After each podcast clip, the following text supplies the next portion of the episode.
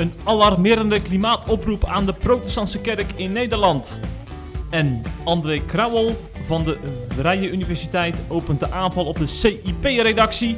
En natuurlijk gaan we ook even kijken hoe het staat Op jou, op jou. Op mij. Niet, niet, niet ineens alles op ons allemaal Ja, betrekken. Op, op, jou. op eindredacteur Jeffrey Schipper. Juist. En natuurlijk gaan we ook even kijken hoe het ervoor staat bij de formatie met Gertjan Segers van de ChristenUnie onder andere. En wie gaat dat duiden? Patrick Simons! Hallo Jeff. Ja, daar ben je Een weer. hele goede middag. Ja, dat is een poosje geleden. hè? Ja, ja, ja, de, de trouwe achterban die Ja. eh, moest jou drie weken missen van nou, CIP. Ja, nou, Dus eh, ik weet niet waar je uit eh, even hebt, geha- hebt gehangen al die weken. een beetje langs het strand gelopen. Oké, ja. Een Om- de, de zoute lucht, de frisse lucht. Moet een beetje reserve opbouwen voordat ik hier weer heen kwam. Ik ben hier voor de tweede dag achter elkaar hè, in Utrecht. Ja, Ga ik geen gewoonte van maken. voor jou, hè? Geen gewoonte van maken. ja. Maar ik, moet- je moet ook zeggen, ik ben ook een keertje in de Berg op Zoom gekomen om jou te ontmoeten. Mhm. Dus andersom gebeurt het ook, hè? Even voor de luisteraars, daar hebben we nog een kantoor. Ja, Ja. zeker. zeker. We hebben heerlijk gegeten na Ja. een dagje Oh. werken. Wat was dat genieten. Ja, precies. En die wijn was ook lekker Die trouwens. wijn was heerlijk. Maar we moeten snel ter zake gaan, want we hebben heel, heel veel te bespreken namelijk. Dat is correct. Maar we beginnen niet voordat jij je een potje hebt kunnen ergeren.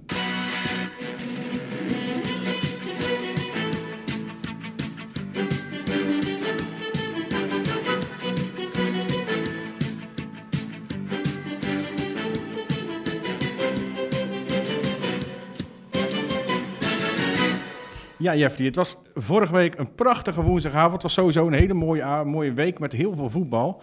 Eh, en ik was woensdagavond eh, een, een hele mooie Champions League wedstrijd aan het kijken. En in de rust besloot ik om even op Twitter te kijken. Een veelgemaakte fout die je beter niet kan doen als je het naar je zin hebt. Want wat zag ik tot, daar tot mijn verbazing? Ik zag een tweetje van theoloog Stefan Paas. Hij deelde een link van een interview van ons met de oprichter van Christenen Collectief. Eh, dat is een corona-beleid-kritische beweging, hè, die heel veel kritiek heeft op de coronamaatregelen in Nederland. Eh, en bij die beweging hebben inmiddels zo'n duizend christenen, of meer dan duizend christenen, zich aangesloten. En wij vonden het als redactie eh, relevant om eh, eens wat vragen aan die, aan die oprichter van die eh, organisatie te stellen. Waarbij we ook zeker kritische vragen stelden over bijvoorbeeld de organisatie, over hun denkwijze, over het gehoorzamen van de overheid als christen, over de overlap met groepen als viruswaarheid, die ook wel eens als wappies worden aangeduid. Ehm, dus wij hebben daar een freelancer voor ingehuurd die, ons, eh, die, ons, die daar wat vragen over heeft gesteld aan de beste man. En daar hebben we een artikel over gepubliceerd. En daar was Stefan Paas dus absoluut niet mee eens. Want hij deelde de link van het artikel, waarvoor dank overigens, ehm, met de volgende tekst erbij. En ik citeer, beste mensen van CIP, is het handig om nepnieuwsverspreiders leeg te laten lopen op jullie site? En even later vervolgt hij: Zelfs YouTube geeft niet meer alles ongefilterd door. En jullie gaan een notoire complotdenker met hysterische betogen over de ondergrondse kerk interviewen? Echt zeg. Aldus een voormalig theoloog des vaderlands. hè. We hebben het over een toptheoloog. Absoluut. Dat is hij ook trouwens, vind ik. Ehm, daarbij mag Stefan Paas eh, als theoloog en ook als mens natuurlijk vinden en zeggen wat hij wil. Ik ben het persoonlijk inhoudelijk niet met hem eens. En ik vind censureren en het bannen van dergelijke mensen, dergelijke initiatieven, dergelijke denkwijzen in tal van opzichten veel gevaarlijker. Ook voor mensen die het, die het gekkies vinden. Ehm, maar dat is niet mijn ergernis. Mijn ergernis is namelijk het volgende. Ik zag eh, de gebruikelijke ND-bubbel, zoals wij dat wel eens noemen. Namelijk eh, als reactie op de eh, tweet van Stefan helemaal leeglopen over CIP. Dat zijn mensen die een enorme voorstander zijn van hoge morele journalistieke standaarden. En die kijken natuurlijk neer op CIP, want wij zijn een roddelsite en wij laten alles en iedereen maar aan het woord over elk onderwerp. Maar wat schetste vervolgens mijn verbazing? Een dag later stond er een uitgebreid artikel in het ND over datzelfde christenencollectief. Inclusief de oprichter die aan het woord komt. En op Twitter totale stilte. Speld horen vallen. Niemand die zich ergerde. Niemand uit dezelfde bubbel die zich afvroeg waarom ND, en ik quote, een notoire complotdenker met historische betogen over de ondergrondse kerk besluit te interviewen. En niemand die er wat van zei. Sorry, maar dat vind ik enorm hypocriet en daar heb ik me dus echt aan zitten ergeren. Tot slot zou ik diezelfde bubbel nog een welgemeend advies willen meegeven. Je hoeft CIP niet te lezen. Niemand verplicht je, wij verplichten je niet. Ehm, want ik vind wel heel opvallend dat voor mensen die helemaal niks van CIP moeten hebben, dat ze er heel vaak over praten en dat ze heel veel artikelen die wij plaatsen toch kennen. Dus ik heb het gevoel dat ze bijna dagelijks op de website zitten. En nee, wij zijn geen ND. Wij hebben een andere doelgroep, wij hebben andere doelen, wij hebben een andere werkwijze. Wij willen ook helemaal geen ND zijn. Andersom is dat misschien nog eerder zo, valt me de laatste tijd op. Maar dat terzijde. Heerlijk, dat veelkleurige medialandschap in christelijk Nederland.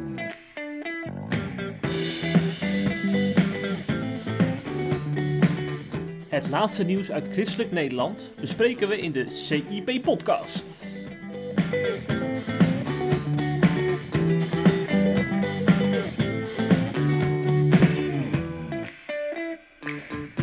En dan door naar de formatie. Want Gert-Jan Segers, ChristenUnie-leider, is natuurlijk weer in de picture hè, de laatste tijd. Wat mag hij weer veel aan het woord komen? En niet zonder reden, want uh, er is ook uh, veel om te bespreken. Hè? Met Sigrid Kaag onder andere. Ja, ja inderdaad. Want uh, nou, we hebben in maart verkiezingen gehad. Hè, en sindsdien is er, wordt er eigenlijk al moeite gedaan om een nieuw kabinet te vormen. Dat is ontzettend moeilijk. Heel kort. Um, er is inmiddels van alles geprobeerd. Tal van combinaties zijn uitgeprobeerd. D66 sloot echter ChristenUnie al snel uit. Uh, VVD en CDA die sloten PvdA en GroenLinks weer uit. Toen werd er uh, vervolgens ingezet op een minderheidskabinet. Dat betekent dat ze niet samen de meerderheid vormen, maar dat ze per onderwerp in de Tweede Kamer op zoek gaan naar partners. Hè. Um, en dat zou dan bestaan uit VVD, D66 en CDA. Maar daar had D66 ook geen trek in. En dus had Sigrid Kaag van D66 eigenlijk nog maar twee keuzes. Eén, toch met de CU, en dat zou dus betekenen in dezelfde samenstelling als de afgelopen vier jaar. Of twee, nieuwe verkiezingen. Nou, dat laatste dat uh, durfden ze denk ik toch niet aan. Want vorige week maakten ze bekend de blokkade op de ChristenUnie op te heffen met veel bombardie en daarbij zeggen ik neem de eerste stap. Ze vergat ook dat zij de eerste was die een andere partij blokkeerde. Dus ze nam ze ook de eerste stap om de boel te saboteren, laat ik zeggen. Nieuw leiderschap, of niet? Nieuw leiderschap, ja. ja, ja. Um, dus toen kwam ineens CU, ChristenUnie en Gert-Jan Segers weer in beeld. Segers heeft vanaf het begin af aan gezegd niet per se te willen regeren, maar ook dat hij zich constructief op wil stellen. En dat doet hij nu dus ook. En dus gaat er onderhandeld worden tussen de vier partijen die, let op, eerder dit jaar nog als kabinet ontslagen zijn vanwege de toeslagenaffaire. Nu gaat dat uh, voor Segers en voor de ChristenUnie eigenlijk wel heel spannend worden. En er zijn eigenlijk twee redenen voor. Reden 1 is Um, zowel Stegers als, als ChristenUnie en de achterban tonen zich het afgelopen jaar ontzettend kritisch ten opzichte van de bestuurscultuur in Den Haag. Inclusief de bekende achterkamertjes, de deeltjes die gesloten worden, je kent het allemaal. En hij noemde dat regelmatig politiek met een kleine letter P. Nou, dat is politiek waarbij eigenlijk alles draait om macht en om, om, om uh, de, de, boel in hand, de touwtjes in handen houden als partij of als coalitie. Uh, en waarbij het helemaal niet draait om de burger, hè, waar eigenlijk de overheid om zou moeten draaien. Um, en Gert-Jan Segers steunde dus onder andere de ChristenUnie. Ik zeg elke keer Segers, maar daarmee bedoel ik eigenlijk automatisch ook ChristenUnie. Hè? Die steunde onder meer een motie van afkeuring tegen premier Rutte. En hij stelde na het debat over de inmiddels beruchte functie elders voor Pieter Omtzigt... Hè, stelde hij geen deel meer te willen uitmaken van een kabinet met premier Rutte. Daar kreeg hij vervolgens behoorlijk veel kritiek op, ook vanuit zijn eigen achterban. En later kwam hij daar dan ook op terug, op die woorden. En vind ik trouwens uh, heel sterk dat de politicus, dat zie je niet vaak namelijk. Dan gaan ze vaak draaien en, en ringen. Maar hij kwam gewoon, hij, Ronald eerlijk vooruit, dat was niet goed. Um, ik, ik maakte het te persoonlijk. En het gaat niet om de persoon, zei hij daarbij. Ik heb te veel op de man gespeeld. Maar het, gaat er, het ging er mij vooral om um, dat er in Den Haag een ongezonde politieke cultuur en een genadeloze overheid zit. En daar moet wat hem betreft een einde aan komen. Nu is natuurlijk de vraag, want als CU nu in een nieuw kabinet zou gaan zitten, is het maar de vraag of CU als kleine partij uh, zo'n grote verandering, uh, bestuurscultuurverandering, want dat is echt een hele grote verandering, um, voor elkaar gaat krijgen. Hè? Want als ze dat natuurlijk niet voor elkaar krijgen, en dan gebeuren de komende vier jaar nog steeds van zulke dingen, dan gaat iedereen zeggen, ja, het zijn allemaal loze woorden geweest, ook van Segers, ook van de ChristenUnie, want ze zijn gewoon in, erin gaan zitten en weer mee gaan doen. Dus dat wordt, wordt wel heel spannend. Maandagavond uh, zat hij trouwens bij de talkshow op 1. En toen werd hem ook daarna gevraagd van ja, hoe ga je die bestuurscultuur dan veranderen? Of waarom ga je er eigenlijk zelf weer in zitten? Je had zoveel kritiek op die hele bestuurscultuur en nu ga je toch weer zelf meedoen. Toen gaf hij als antwoord, en ik citeer, ik kan twee dingen doen. Eén, ik kan zeggen dat het heel lastig wordt, dat ik niks ga doen en vervolgens achterover ga leunen. Of ik zeg dat ik toch die stap neem en ontzettend mijn best ga doen. En dat laatste ga ik doen. Nou, dat was dus punt 1 hè, over die bestuurscultuur. En er is nog een ander uh, punt waarop het heel spannend gaat worden. En dat zijn uh, de medisch-ethische thema's. En dan springt met name de voltooid levenwet er natuurlijk uit. Uh, dat is een wet waarbij mensen die ouder dan 75 jaar zijn en hun leven als voltooid zien, um, euthanasie mogen plegen, zelfs als ze kerngezond zijn. Die wet is er nog niet door, hè, maar die wet wil nou is een van de kroonjuwelen van D66 geworden inmiddels. Hè. Ze hebben het referendum laten varen, maar dat is nu voltooid leven geworden. Um, Kaag heeft dan ook al diverse malen aangegeven deze wet per se te willen doorvoeren de komende vier jaar. Ondanks, let op, dat onderzoeken aantonen dat de stervenswens bij ouderen, waar we het net over hadden, van 75 plus, eigenlijk heel fluïde is. Dus die is veranderbaar. En vaak uh, um, heeft het ook andere oorzaken. Ligt de oorzaak vooral bij bijvoorbeeld eenzaamheid. En als die eenzaamheid af, afge, um, weggenomen wordt, dat dan vervolgens de sterfwens ook verdwijnt of veel minder wordt. Dat hebben meerdere onderzoeken van Els van Wijngaarden onder andere aangetoond. Maar Kaag blijft volhouden, wil die wet per se voorvoer, doorvoeren. En ChristenUnie en Segers zijn er natuurlijk uh, absoluut tegen. Ze hebben ook, um, dit compliment, de afgelopen vier jaar kunnen tegenhouden dat de wet, uh, wet, wet, wet, wet werd ingevoerd. Uh, maar de vraag is natuurlijk of ze dat nog eens vier jaar kunnen gaan doen. Want, um, zoals ik net zei, Kaag wil hem echt, echt per se in gaan voeren. En Segers heeft eerder gezegd, tijdens de verkiezingscampagne was dat... ik ga niet in een kabinet zitten waarin deze wet uitgevoerd zou worden. Vier jaar geleden bedoel je? Heeft dat nee, dat heeft nu hij in deze verkiezingscampagne oh. gezegd. Ik ga niet in een kabinet zitten waarin deze wet ingevoerd en uitgevoerd gaat worden. Hij wordt eerst ingevoerd en dan uitgevoerd. Um, dus dat wordt ook een heel spannend punt natuurlijk. Het, het AD, het Algemeen Dagblad, vroeg daar recent nog naar bij Segers. Um, daar werd hij ook op die woorden gewezen die ik net zei hè, tijdens de verkiezingscampagne. Um, het AD zei daarbij, er is natuurlijk een mogelijkheid dat je, jullie zeggen, we laten het aan de Tweede Kamer over om te beslissen over de invoering van die wet. Vrije kwestie. Vrije kwestie, inderdaad. En vervolgens schuiven we de invoering zelf, als ze voorstemmen dan, door naar het volgende kabinet. Nou, ik, ik, ik, zo kan Segers zijn belofte houden, zeg maar. En laat Kaag zien, zie je wel, we hebben ervoor gezorgd dat de wet wordt ingevoerd. Uh, ik denk persoonlijk dat Kaag dat niet zomaar gaat doen, want die heeft zich al vier jaar laten piepelen tussen aanhalingstekens. Zo, zo ervaart ze dat, haar kennende. Um, Segers gaf overigens ook antwoord op die vraag, van, zie je dat als optie? Mm, dat ontweek hij een beetje. Hij zei, nu komen we al bijna in het sfeer van onderhandelen en daar zijn we niet.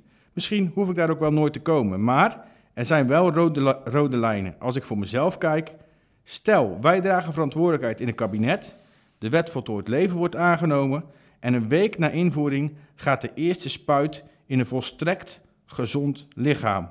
Dat zou ik heel, heel moeilijk vinden. Vervolgens, want hij gaat nog verder. Tegelijkertijd zie ik dat medisch-ethisch heel groot wordt gemaakt, terwijl er zoveel momenten zijn dat D66 en ChristenUnie de afgelopen vier jaar schouder aan schouder stonden. Dan noemt hij vervolgens verschillende punten op waarop ze uh, wel heel erg uh, overeenkomen, hè, die twee partijen. En dat gaat over klimaatbeleid, dat gaat over een sociaal beleid, dat gaat over de rechtsstaat, over een humaan asielbeleid.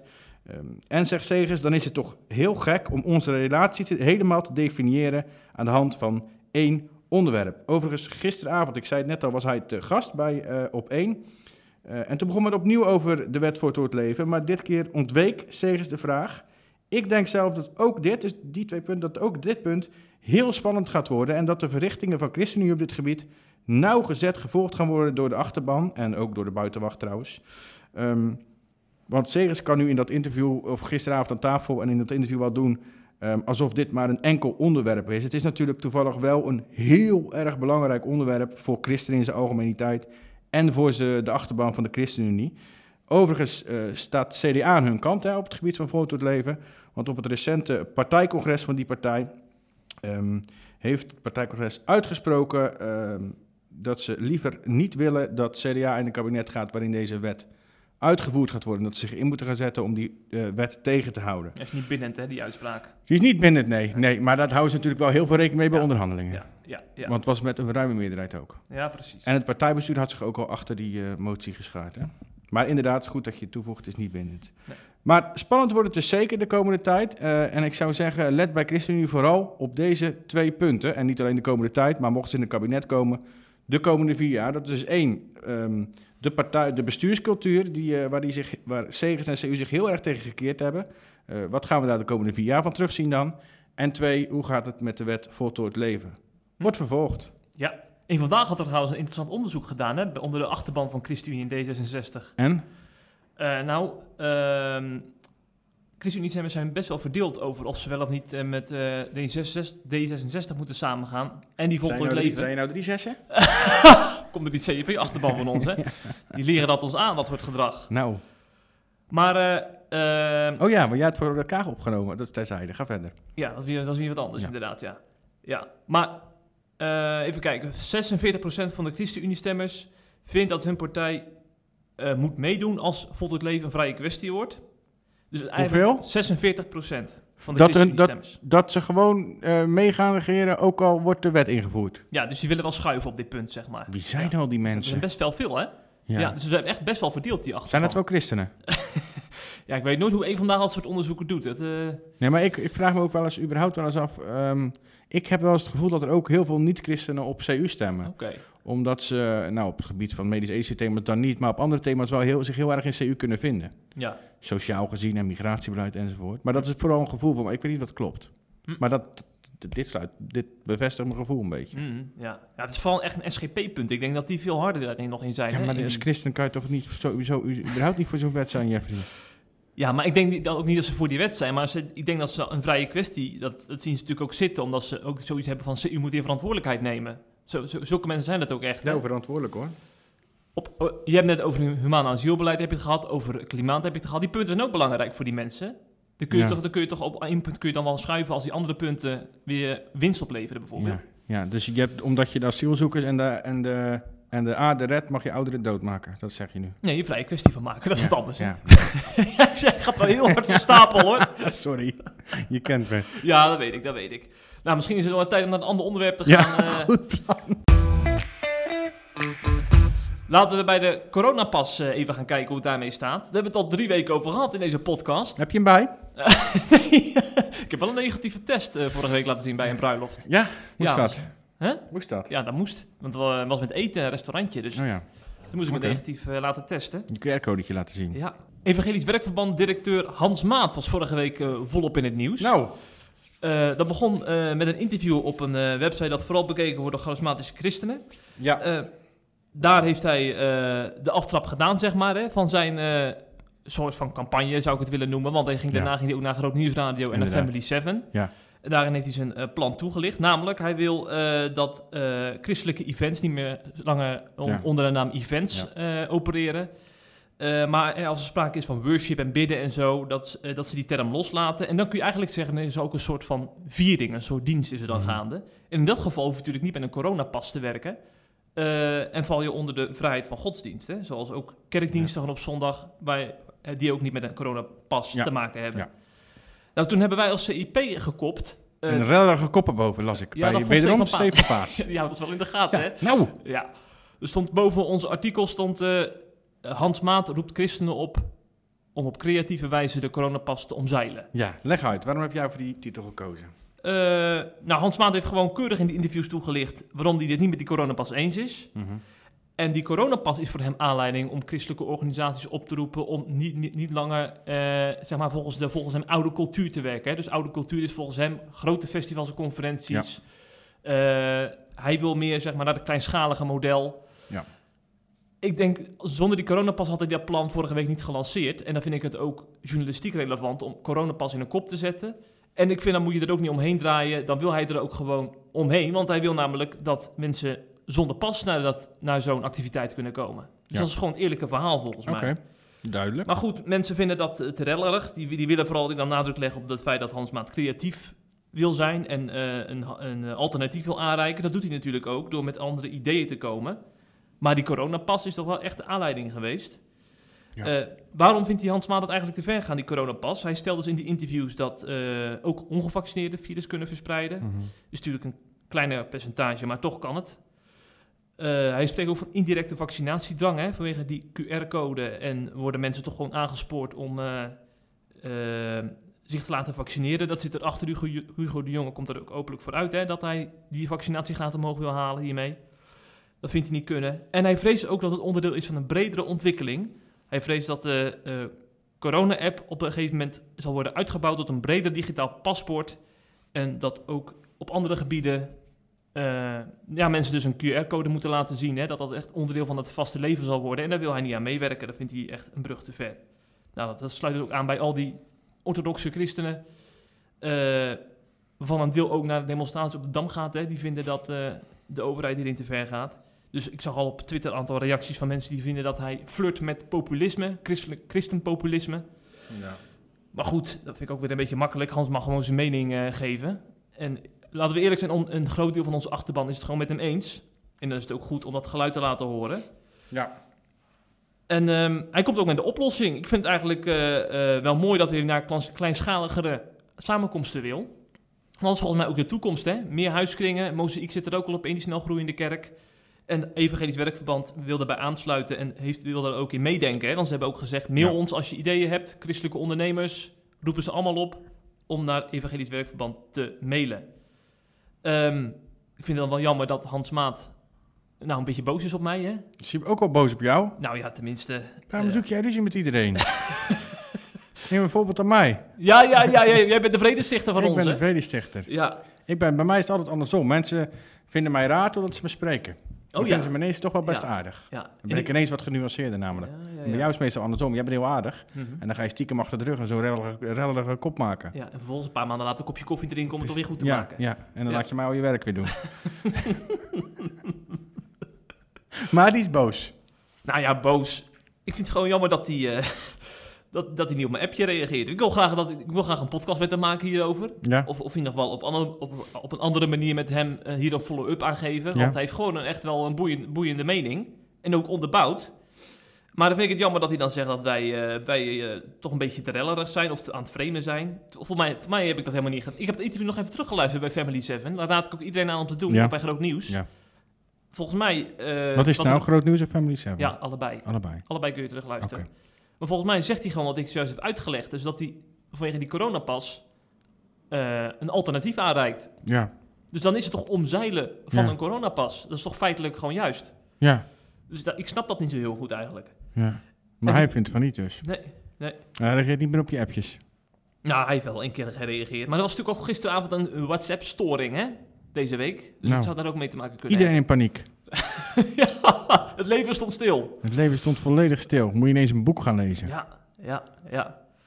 Maar goed, wie weet in de toekomst nog een interview met Hans Maat hierover. Want het laatste woord is nog lang niet gezegd over de coronapas. We gaan er nog veel over schrijven, hè? Zo is het, maat. Gaan we vanuit. Ik laat de reacties op de coronapas even voor wat ze zijn, want ik wil door naar het volgende item. En dat gaat natuurlijk over het klimaat. Want we zitten niet alleen in een coronacrisis, maar ook in een klimaatcrisis.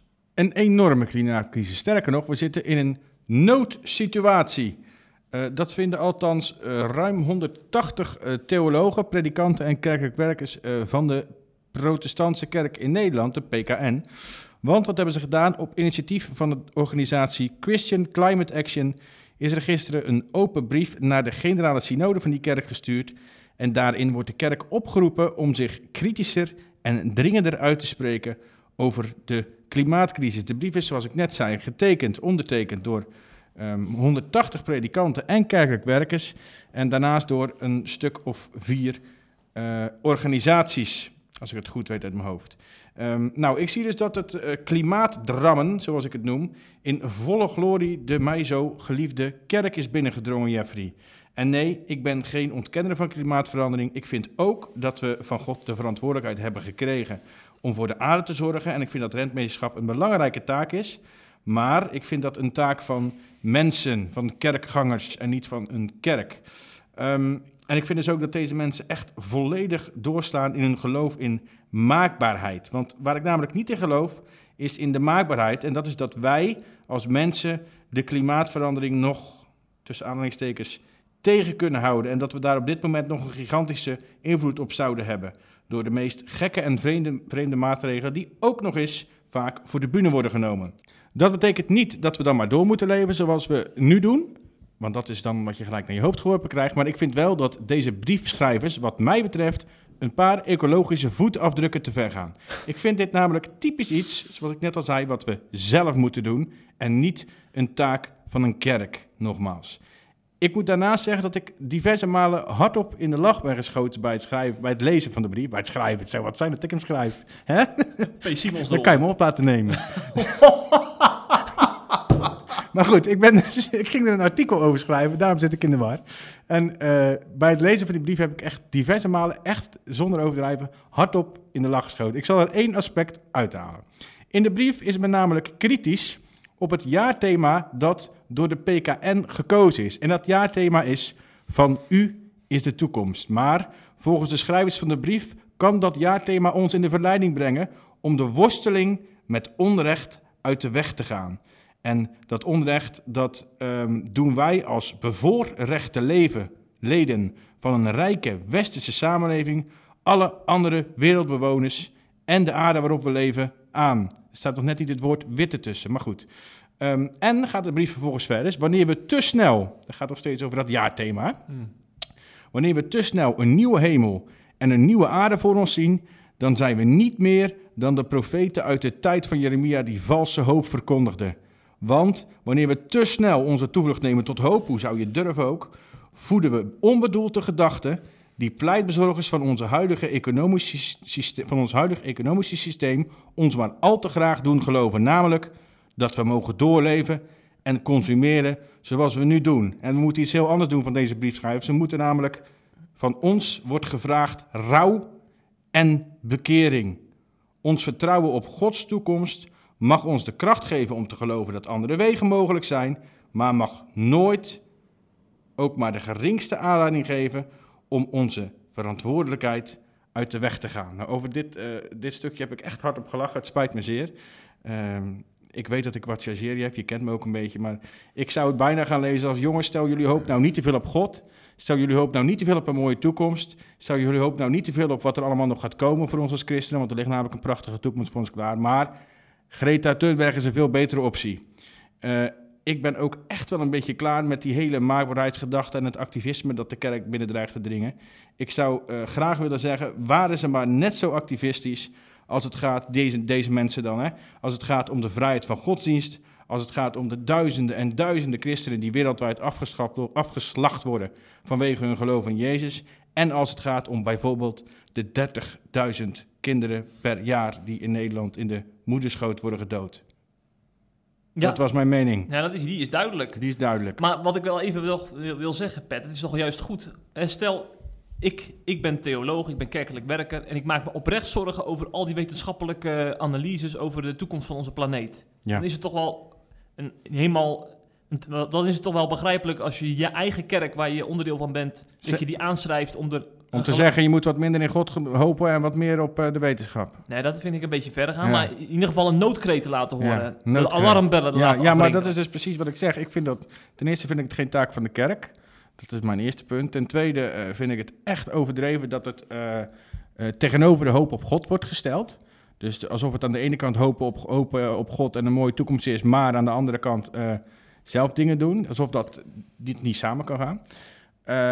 ten derde, en dat is wat ik op het laatst benoemde, vind ik het ook een beetje vreemd dat ik diezelfde mensen, want ik heb een beetje de namen gelezen die onder de brief stonden, dat ik die nooit hoor, of in ieder geval minder activistisch, veel minder activistisch hoor over de 30.000 kinderen in de baarmoeder die elk jaar in Nederland worden weggehaald. Over uh, de duizenden christenen die, die dagelijks uh, worden geslagen, worden verkracht, worden vermoord, worden onthoofd omdat ze in Jezus geloven. Um, ja, ik, ik, kan dat niet zo goed begrijpen.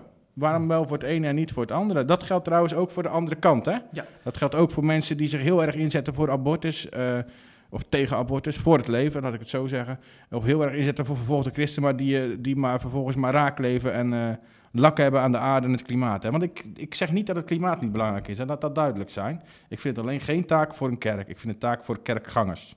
Mm -hmm. Ja, maar zo'n klimaatpelgrimstocht, die wordt dan binnenkort gelopen. Uh, de PKN heeft dat ook uh, een persberichtje over uit, uitgedaan. Nou, ja. Dan is als je dat belangrijk vindt als kerk, is het dan niet gek om dan zo'n event bijvoorbeeld onder de aandacht te brengen onder je kerkleden? Van eh, loop mee met die tocht voor het goede doel.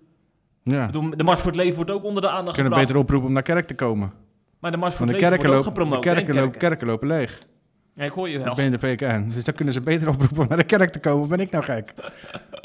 Of een, of een wat, wat eenzijdige of een wat veelzijdige boodschap brengen vanaf de kansel. Maar ben je nou, stel de PKN zou net zo hard eh, zeggen van we gaan in die Mars voor het Leven om, eh, om een signaal tegen abortus af te geven. Ik dat vind- vind je wel goed. Nee, ik vind dat ook niet goed. Ik vind dat een kerk, ik vind, ik vind dat dat een taak van kerkgangers en niet van een kerk. Ja. Ik vind dat de kerk bezig moet zijn met twee dingen. En dat is met één, de eigen gemeente op te bouwen. Ehm, te zorgen dat de kerken voorkomen. Te zorgen dat de mensen bijbels onderwijs krijgen. Dat de mensen gevoed worden. Dat de mensen eh, van, van, eh, van melk naar vast voedsel gaan, zeg maar. Dus dat, dat is één aspect. En het tweede aspect is het missionair. En dat is de wereld ingaan om mensen te helpen. Ehm, dus ik zou het wel wat anders vinden als ze, bij, als ze meehelpen bij acties om eh, zwervers eten te geven, om eh, gevangenen te bezoeken, om naakten te kleden, om Jezus te citeren. Eh, maar dit, eh, nee, nee. Zowel bij abortus als bij klimatus. Ja, overigens nog even een, een opmerking terzijde. Ik snap niet zo goed dat ze stellen dat het weinig prioriteit wordt gegeven in de PKN Iran. Hè? Want ik zit op de Twitter-kanaal van de PKN te kijken. Ik zie hier dus een oproep Ja. tot die klimaatpelgrimstocht. Ja. Ik zie een interview met een groene diaken. ik zie, Een groene diaken? ja, daar staat er. Nou, die zal een hoop geld ophalen. Groene diaken Karin Faber wordt geïnterviewd. ik zie, ik zie eh, eh, vijf tips voor, eh, om te gaan om de slag naar meer duurzaamheid te maken. Dat is dus precies. Dat is dus precies. Het is, daarom zeg ik, daarom ben ik ook, was ik net ook redelijk hard. Ik weet het, ik chargeer echt wel en ik overdrijf een beetje. Mhm. Maar dit is echt bijna extremistisch activisme dit. En, en ik ben, dat moet de kerk niet binnenkomen. Want je ziet inderdaad, er wordt al zoveel gedaan, maar het is gewoon niet, het is nooit genoeg ook. nee, dat Het blijkbaar. is nooit genoeg. Ja, dat verbaast mij Ze dus ook. moeten, ik denk dat ze ook weer alle kachels willen verbieden in de kerk. En dan gaat die collector dus niet naar de kachel. Nee. Zondag. Nee. Nee. die zat bij ons altijd het meest vol, de collecte voor de kachel. maar die koud ook in die oude hervormde kerken. Ja. Dan zag iedereen briefjes in gooien, weet je wel. Maar dat mag natuurlijk allemaal niet meer. Nee. Moet je nou met je dikke winterjas gaan zitten. En dan moet nog duurzaam zijn gemaakt, ook zo'n winterjas. Oh, ik Kost wat geld. ik moet nou weer denken aan die tijd dat ik ook hervormd was. Dan zat ik inderdaad koud te Ja, lijden. dat was winters koud. Ja, ja, ja, ja. Oh, was ik dan blij Ja. dat ik naar een evangelisch eh, schoolgebouwtje ging, Ja. zeg, op een gegeven moment. Ja, maar dat ging met de kosten van de boodschap. Het begint echt een beetje een Jutta Jol podcast te worden Nou. op deze manier. Dus laten we maar Dat gauw... vind je het gek, Jackies, die onderwerpen, hè?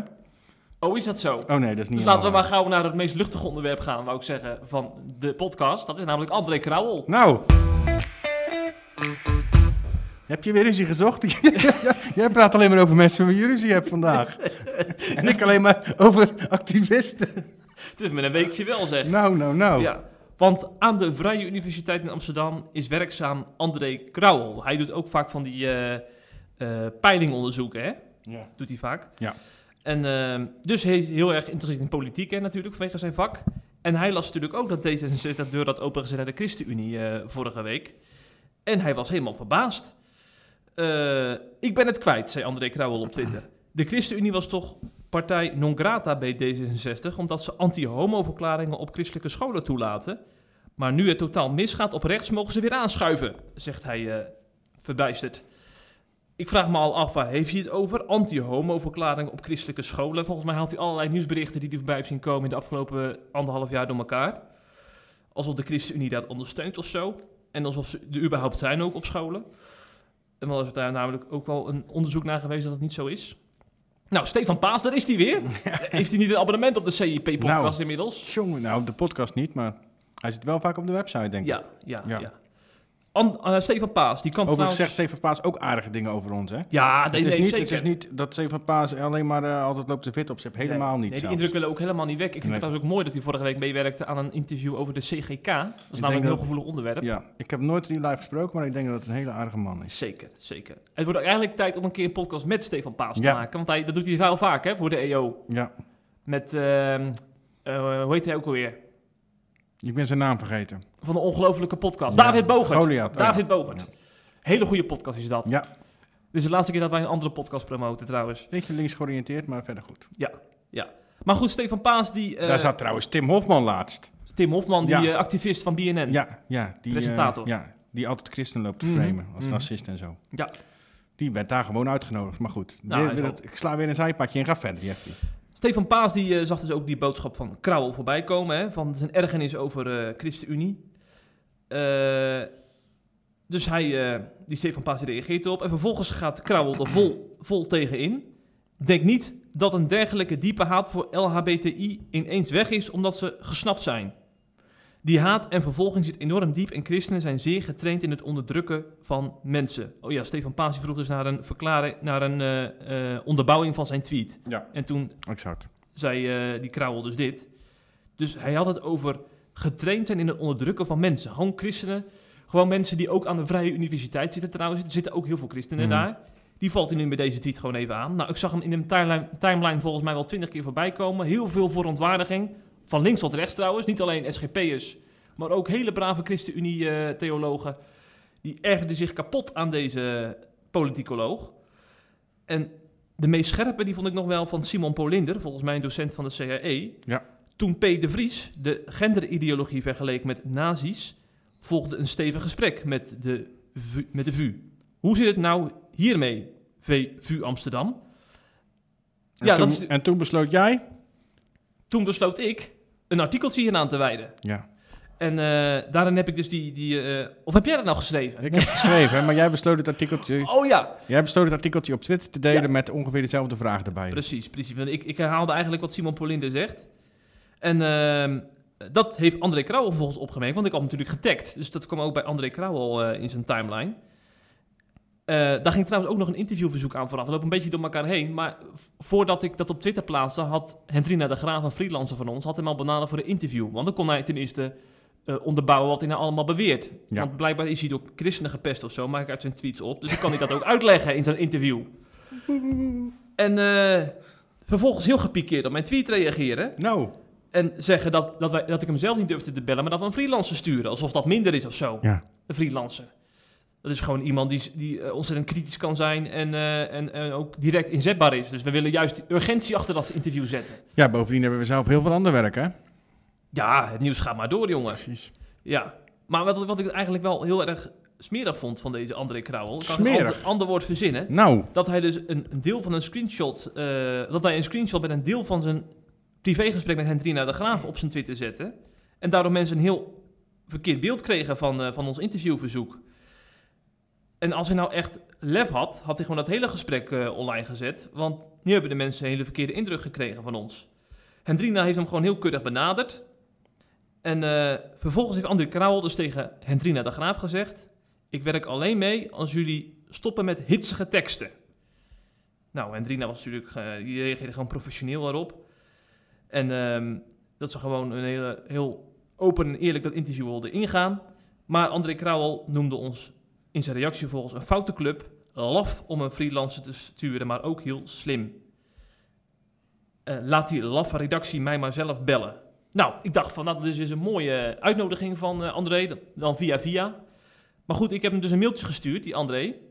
Als hij zegt laffe redactie, nou dan, eh, dan zal deze laffe, redactie even een uitnodiging sturen. Dus ik heb gezegd, blijkbaar wilt u niet met ons freelance Hen- Hendrina Hendrina de Graaf in gesprek. Ik ben vanmiddag beschikbaar voor een telefonisch interview, laat maar weten. ja. Niks meer gehoord. Ik heb hem uitgebreid gemaild.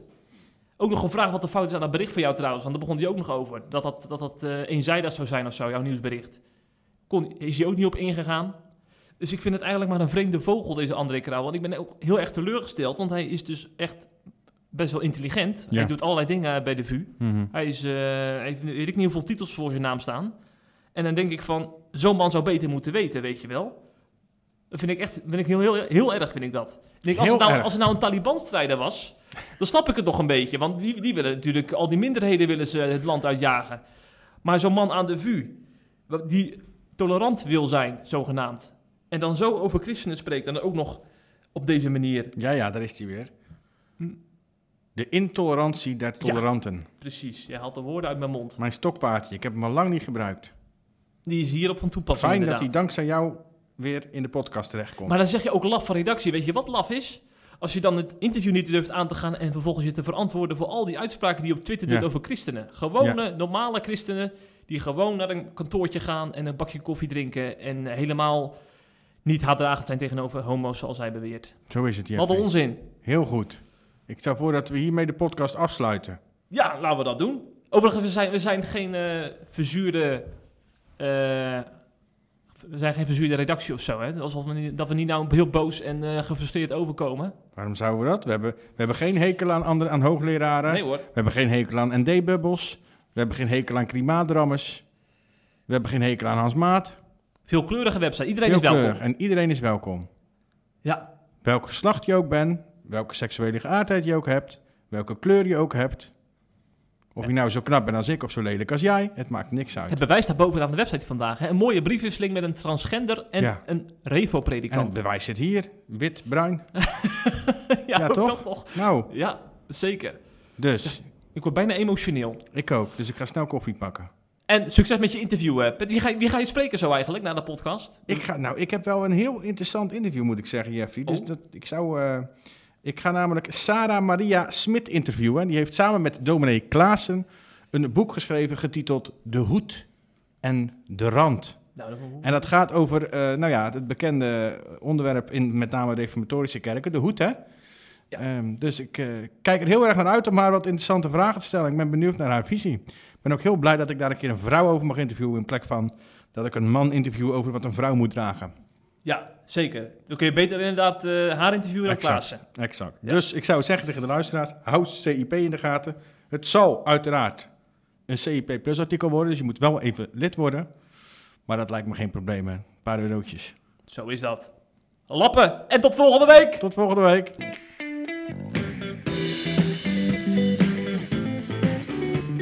Je luistert naar de CIP-podcast. Volgende week weer een nieuwe aflevering. Wil je onze artikelen lezen? Ga naar cip.nl en word CIP Plus lid.